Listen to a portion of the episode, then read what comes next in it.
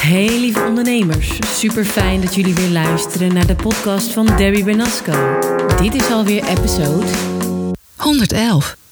Oké, vandaag deelde ik een eh, post op Instagram over behoeftigheidsbewustzijn omvormen tot overvloedsbewustzijn. En omdat eh, een rijk leven verder gaat dan geld, en eh, het gaat echt over rijkdom op alle vlakken van je leven, wil ik het vandaag met jullie hebben over bindingsangst, want dat valt onder het thema liefde. In relatie tot rijkdomsbewustzijn, in relatie tot jezelf, maar ook ehm, in relatie met de wet van één. En laat me dat even uitleggen, want één ding in je leven kan heel je leven bepalen. En dat kan bijvoorbeeld zijn hoe we zijn opgevoed, hè, hoe eh, bijvoorbeeld de hechting met onze moeder was. En dit is alles bepalend voor je verdere leven en business. Maar ook als er iets overweldigends eh, in je leven is gebeurd. Eh, bijvoorbeeld uh, vroegkindelijk trauma of shocktrauma. En als dat niet verwerkt wordt, dan heeft dat grote gevolgen voor ons leven en ondernemerschap. En bij beide gevallen zal het een domino-effect zijn in ons leven. Nou, laat ik even een uh, kort voorbeeld geven, want dat uh, werkt altijd lekker. Er zit bijvoorbeeld iemand in mijn coachingstraject en zij is ingestapt vanwege de moederwond. En omdat ze een diep gewortelde schaarste mindset had. En in een van onze coachingsgesprekken vertelde zij mij ook dat ze als kind uh, seksueel misbruikt is. Op dat moment kon ze geen beslissing maken over haar veiligheid. Nou, in hetzelfde coachingsgesprek vertelde ze mij over haar uh, diepe verlangen. En dat was eigenlijk kiezen voor haar grote liefde. Maar er zat een grote angst op en dat was opgeven van zekerheden en geborgen bestaan met haar huidige man. En gaande het coachingsgesprek merkte ik dat veiligheid en geborgenheid en zekerheid heel erg belangrijk voor haar was. En dat is ook logisch, hè? Want nu nu heeft ze de keuze. Stap ze uit de veiligheid. Terwijl toen ze een kind was, had ze geen keuze en werd de veiligheid van haar afgenomen. En toen we haar leven verder bespraken, toen ja, kwamen we er eigenlijk samen wel achter dat ze keuzes heeft gemaakt in haar leven vanuit veiligheid. Dus zo zie je dat één ding, onbewust of bewust, grote gevolgen heeft. Nou, in deze podcast uh, gaan we het dus uh, hebben over bindingsangst, dat uh, zei ik al. Maar we gaan ook bespreken waar komt het eigenlijk vandaan en hoe kom je er vanaf. En onderwijl vertel ik ook wat dingetjes over mezelf. Um, want ik heb ook bindingsangst gehad, heel erg zelfs. Maar ik ben daar zeker, ehm, nou, 98% wel vanaf. Als we nog even kijken naar mijn eh, Instagram-post, waarin ik schreef dat een van de moeilijkste dingen in ons leven gaat over behoeftigheidsbewustzijn omvormen tot overvloedigheidsbewustzijn. Nou, een ander woord daarvoor is rijkdomsbewustzijn. Dan heb ik het hier over dat je voelt dat je compleet bent. Dus als je rijkdomsbewustzijn voelt, dan voel je je compleet. Zonder dat je daar eigenlijk iemand bij nodig hebt je voelt je heel, heel en uh, vervuld. Voor iemand die een veilige jeugd heeft gehad, die, die is omringd door liefde, door beide ouders. Die is gezien door beide ouders. Um, die heeft vertrouwen gekregen van haar ouders. Heeft een uh, heilige verbintenis met haar ouders en met zichzelf. En zo'n dochter of zoon kan op een hele natuurlijke manier vanuit zelfliefde uitreiken naar een ander en kan de ander op een hele gezonde manier aannemen. En, en dit gebeurt allemaal vanuit een, ja, vanuit een hele gezonde dosis zelfliefde en eigenwaarde. Wat ontstaat door een goede hechting met uh, de moeder. Hè? Want de moeder is voor 80% verantwoordelijk voor jouw uh, hechting en wat er eigenlijk verder in jouw leven uh, zich afspeelt.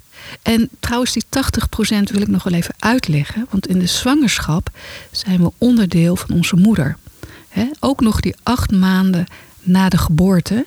En dan spreken we van een symbiose. En de moeder voedt het kind in eerste instantie met liefde, eigenwaarde en voeding. Maar als er een hechtingstrauma is hè, met de moeder, dan heeft dat enorme impact op onze volwassen leven. Denk aan uh, relaties, uh, het uitblijven van uh, succes of geluk. Zelfs je gezondheid heeft ermee te maken. Nou, een hechtingstrauma, dat gaat over, ehm, ja, dat gaat over als de moeder niet tegemoet is gekomen aan je behoeftes van liefde, warmte, nabijheid en veiligheid. En ook even belangrijk om te vertellen dat dit niet zomaar hè, gebeurt. Dat komt omdat de moeder zelf ook uh, slecht gehecht is met haar eigen moeder. Dus heeft vaak zelf uh, ook een hechtingstrauma. Of uh, heeft veel verlating of afwijzing meegemaakt. Of, ehm, ja, dat kan ook, hè, een fysieke, emotionele of ehm, ja, seksuele trauma meegemaakt hebben, wat nog niet verwerkt of geheeld is. En deze komen ook vaak uh, tegen. Het verliezen van een belangrijk hechtingsfiguur, en in dit geval dan de moeder. Als je een uh, onveilige hechting hebt gehad met je moeder, dan heb je later vaak moeite met het aangaan van waardevolle relaties, omdat er een soort van behoeftigheid eronder zit.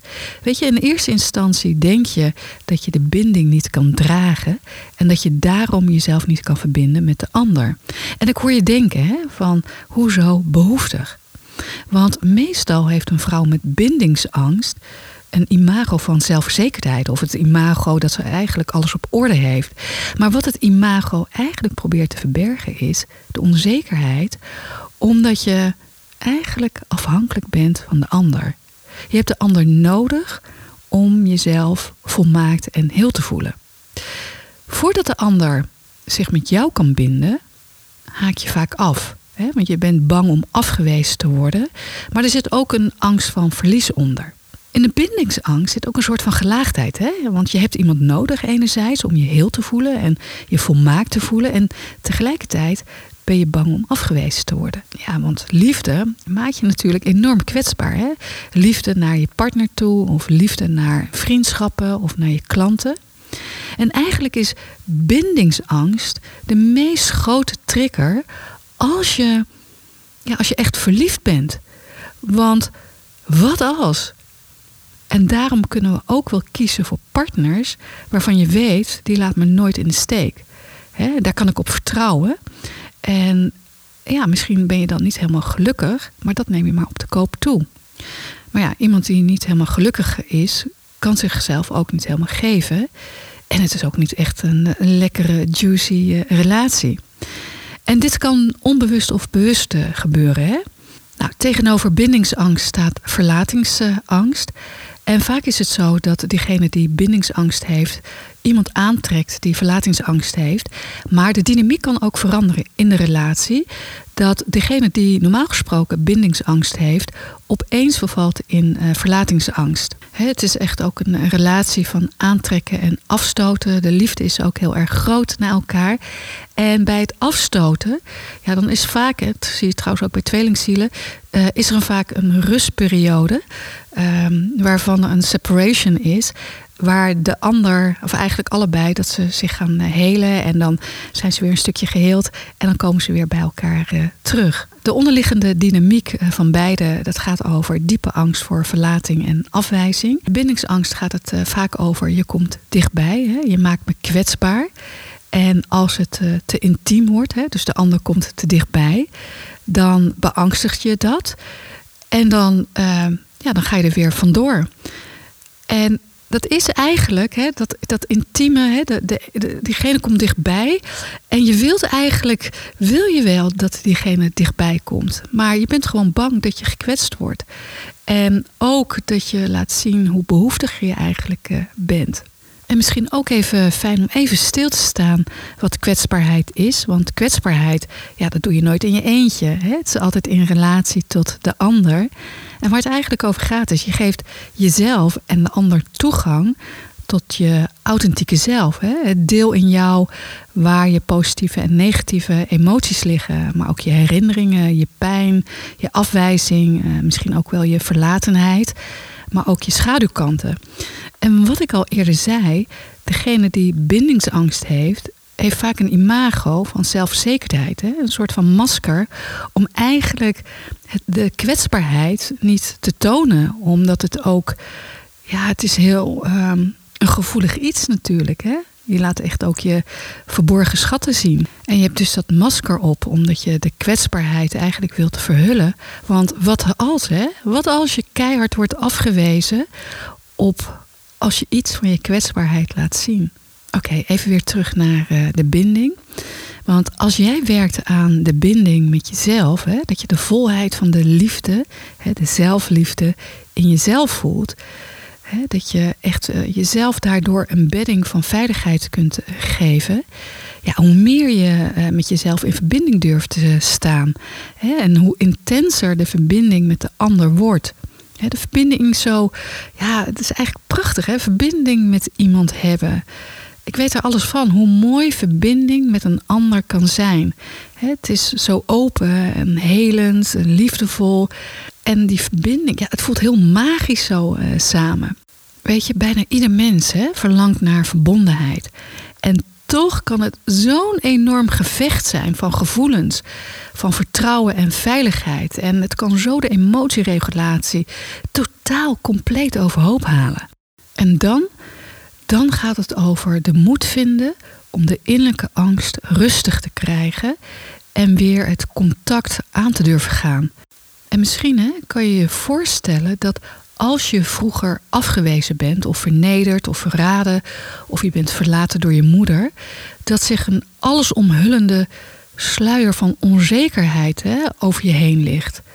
En we praten hier dan echt over een ontwikkelingstrauma, wat zich dan uh, uit in een uh, moederwond. Weet je, er is hunkering en tegelijkertijd diepe angst om een afhankelijke verbinding aan te gaan, om negatief beoordeeld en afgewezen te worden door je geliefde of door een vriend of vriendin, in een vriendschap of door een klant. En vaak, uh, als je bindingsangsten hebt, hè, dan blokkeer je in relaties en dan ga je je geliefde vermijden. je bent er opeens niet meer voor de ander. Want als jij je terugtrekt, kan de ander je niets aandoen. Maar hoe langer jij je terugtrekt, omdat je denkt, ik kan helen, hoe moeilijker de weg terug wordt. Nou, ik had het net over hè, de afwijzing, verlating, eh, verraden worden door je moeder. En dit kan een uh, diepe angst in jou uh, teweeg uh, brengen hè, om je te verbinden. Maar er is ook nog een andere vorm. En deze heb ik zelf meegemaakt. En dat is als je moeder niet zonder haar kinderen kan. En deze moeder, mijn moeder dus, gaf echt alle liefde. Maar ze kon ook wel negeren of straffen. En opeens mocht ze ook geen dingen doen. Dit is zo'n moeder die haar kinderen verstikt. En weet je wat het is? Alle dochters die opeens zelf moeder worden, um, worden opeens herinnerd aan haar eigen moederwond. En deze kan dan bij het krijgen van uh, kinderen enorm gaan etteren. Wat er dan gebeurt is dat de pleister op deze wond, deze etterende wond, eigenlijk het weghalen uh, van de liefde is bij haar kinderen. dus mijn moeder wilde heel graag de liefde van ons. Dat vergat eigenlijk haar eigen uh, moederwond. En dit is ook de gedesorganiseerde hechtingsstijl. ze was heel erg in onze space. Ze was ook wel af en toe jaloers. ze vroeg veel aandacht van haar kinderen. En dat kwam, nou ja, wat ik net al zei, ze kampte zelf met een uh, enorme moederwond. En ze verwachtte ook heel veel van ons. Ze was best wel veel eisend. En dat resulteerde later in mijn relaties dat ik bang was. Uh, om, ja, ik was bang dat ik niet aan de verwachtingen kon voldoen van mijn partner. Ik had echt uh, door het ijszakken syndroom. als de relatie hechter werd en het werd verdiepender, dan kon ik me opeens uh, niet meer emotioneel binden. En daar had ik angst voor. Maar ook had ik enorme angst dat het uit zou komen dat ik eigenlijk helemaal niet zo leuk was. Dat was het. En ehm, dat ik eigenlijk heel weinig uh, voorstelde. En uh, rond mijn 35ste heb ik hier uh, heel lang therapie op gehad. Bij verlating en bindingsangst is er eigenlijk een heel diep verlangen bij beide. En dat is het verlangen van verbondenheid. En deze kunnen we aangaan als je de veiligheid in jezelf voelt. En dat het oké is om afgewezen te worden. Of dat het oké is dat de, ja, het is niet fijn, maar dat iemand je vermijdt. Het hoort bij het leven. En tuurlijk, het kan pijn doen, maar zonder pijn in het leven leven we niet. En juist als we door de pijn heen gaan, hè, van donkerte naar het licht, wow, dan krijgen we heel veel rijkdom. Heel veel. We krijgen hierdoor zoveel levenswijsheid. En we kunnen de bindings- en verlatingsangst veranderen. Stel dat je een relatie hebt en ehm, je voelt dat je bindingsangst hebt en de ander misschien wel verlatingsangst. Dan is het zo belangrijk dat je beide in contact durft te blijven. Maar ook met je angst. Hoe kwetsbaar dit ook is. Want je mag ervan uitgaan dat de liefde tussen jullie onvoorwaardelijk is. En je mag ervan uitgaan dat je samen dezelfde angst hebt. En als je echt liefde voor een ander voelt en je voelt die angst, maak het bespreekbaar. Dat verdiept zo je relatie. En dan kan je elkaar helpen. Het heeft helemaal geen zin om weg te lopen. Want dan heel je eigenlijk ook je wond niet. Nou, hoe kom je eigenlijk van bindingsangsten af? Hè? En ik hoor vaak eh, mooie termen als eh, heling van het eh, innerlijk kind, eh, of hypnose, regressie, EFT of lichaamsgericht werk, noem het maar op. Dat is allemaal heel mooi. Maar het allerbelangrijkste is, en dat doen we on- onder andere op een van mijn retrettendagen, is je moeder weer leren aannemen. Want als je geen ja zegt tegen je moeder, hoe kwetsend ze ook is geweest hè, tegen jou, of hoe dat ze je verlaten heeft of ehm, dat ze jou vermeden heeft. Als je geen ja zegt tegen je moeder, zeg je ook geen ja tegen levensenergiebinding. En dat is de levenselixer van rijkdomsbewustzijn. Nou, dus die, het aannemen van de moeder is dus heel erg eh, belangrijk. En dan het volgende, en dat is eigenlijk zo belangrijk dat deze stap direct komt na het aannemen van eh, de moeder. En dat is werken aan de banding. Letterlijk met het lichaam in al zijn kwetsbaarheid.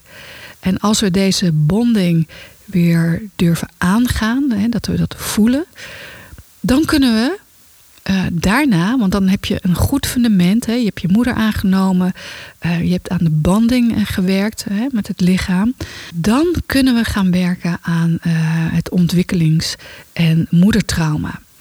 Hè, met de getraumatiseerde delen en de herinneringen kunnen we dan gaan elimineren. En dan wordt het tijd om te gaan rouwen.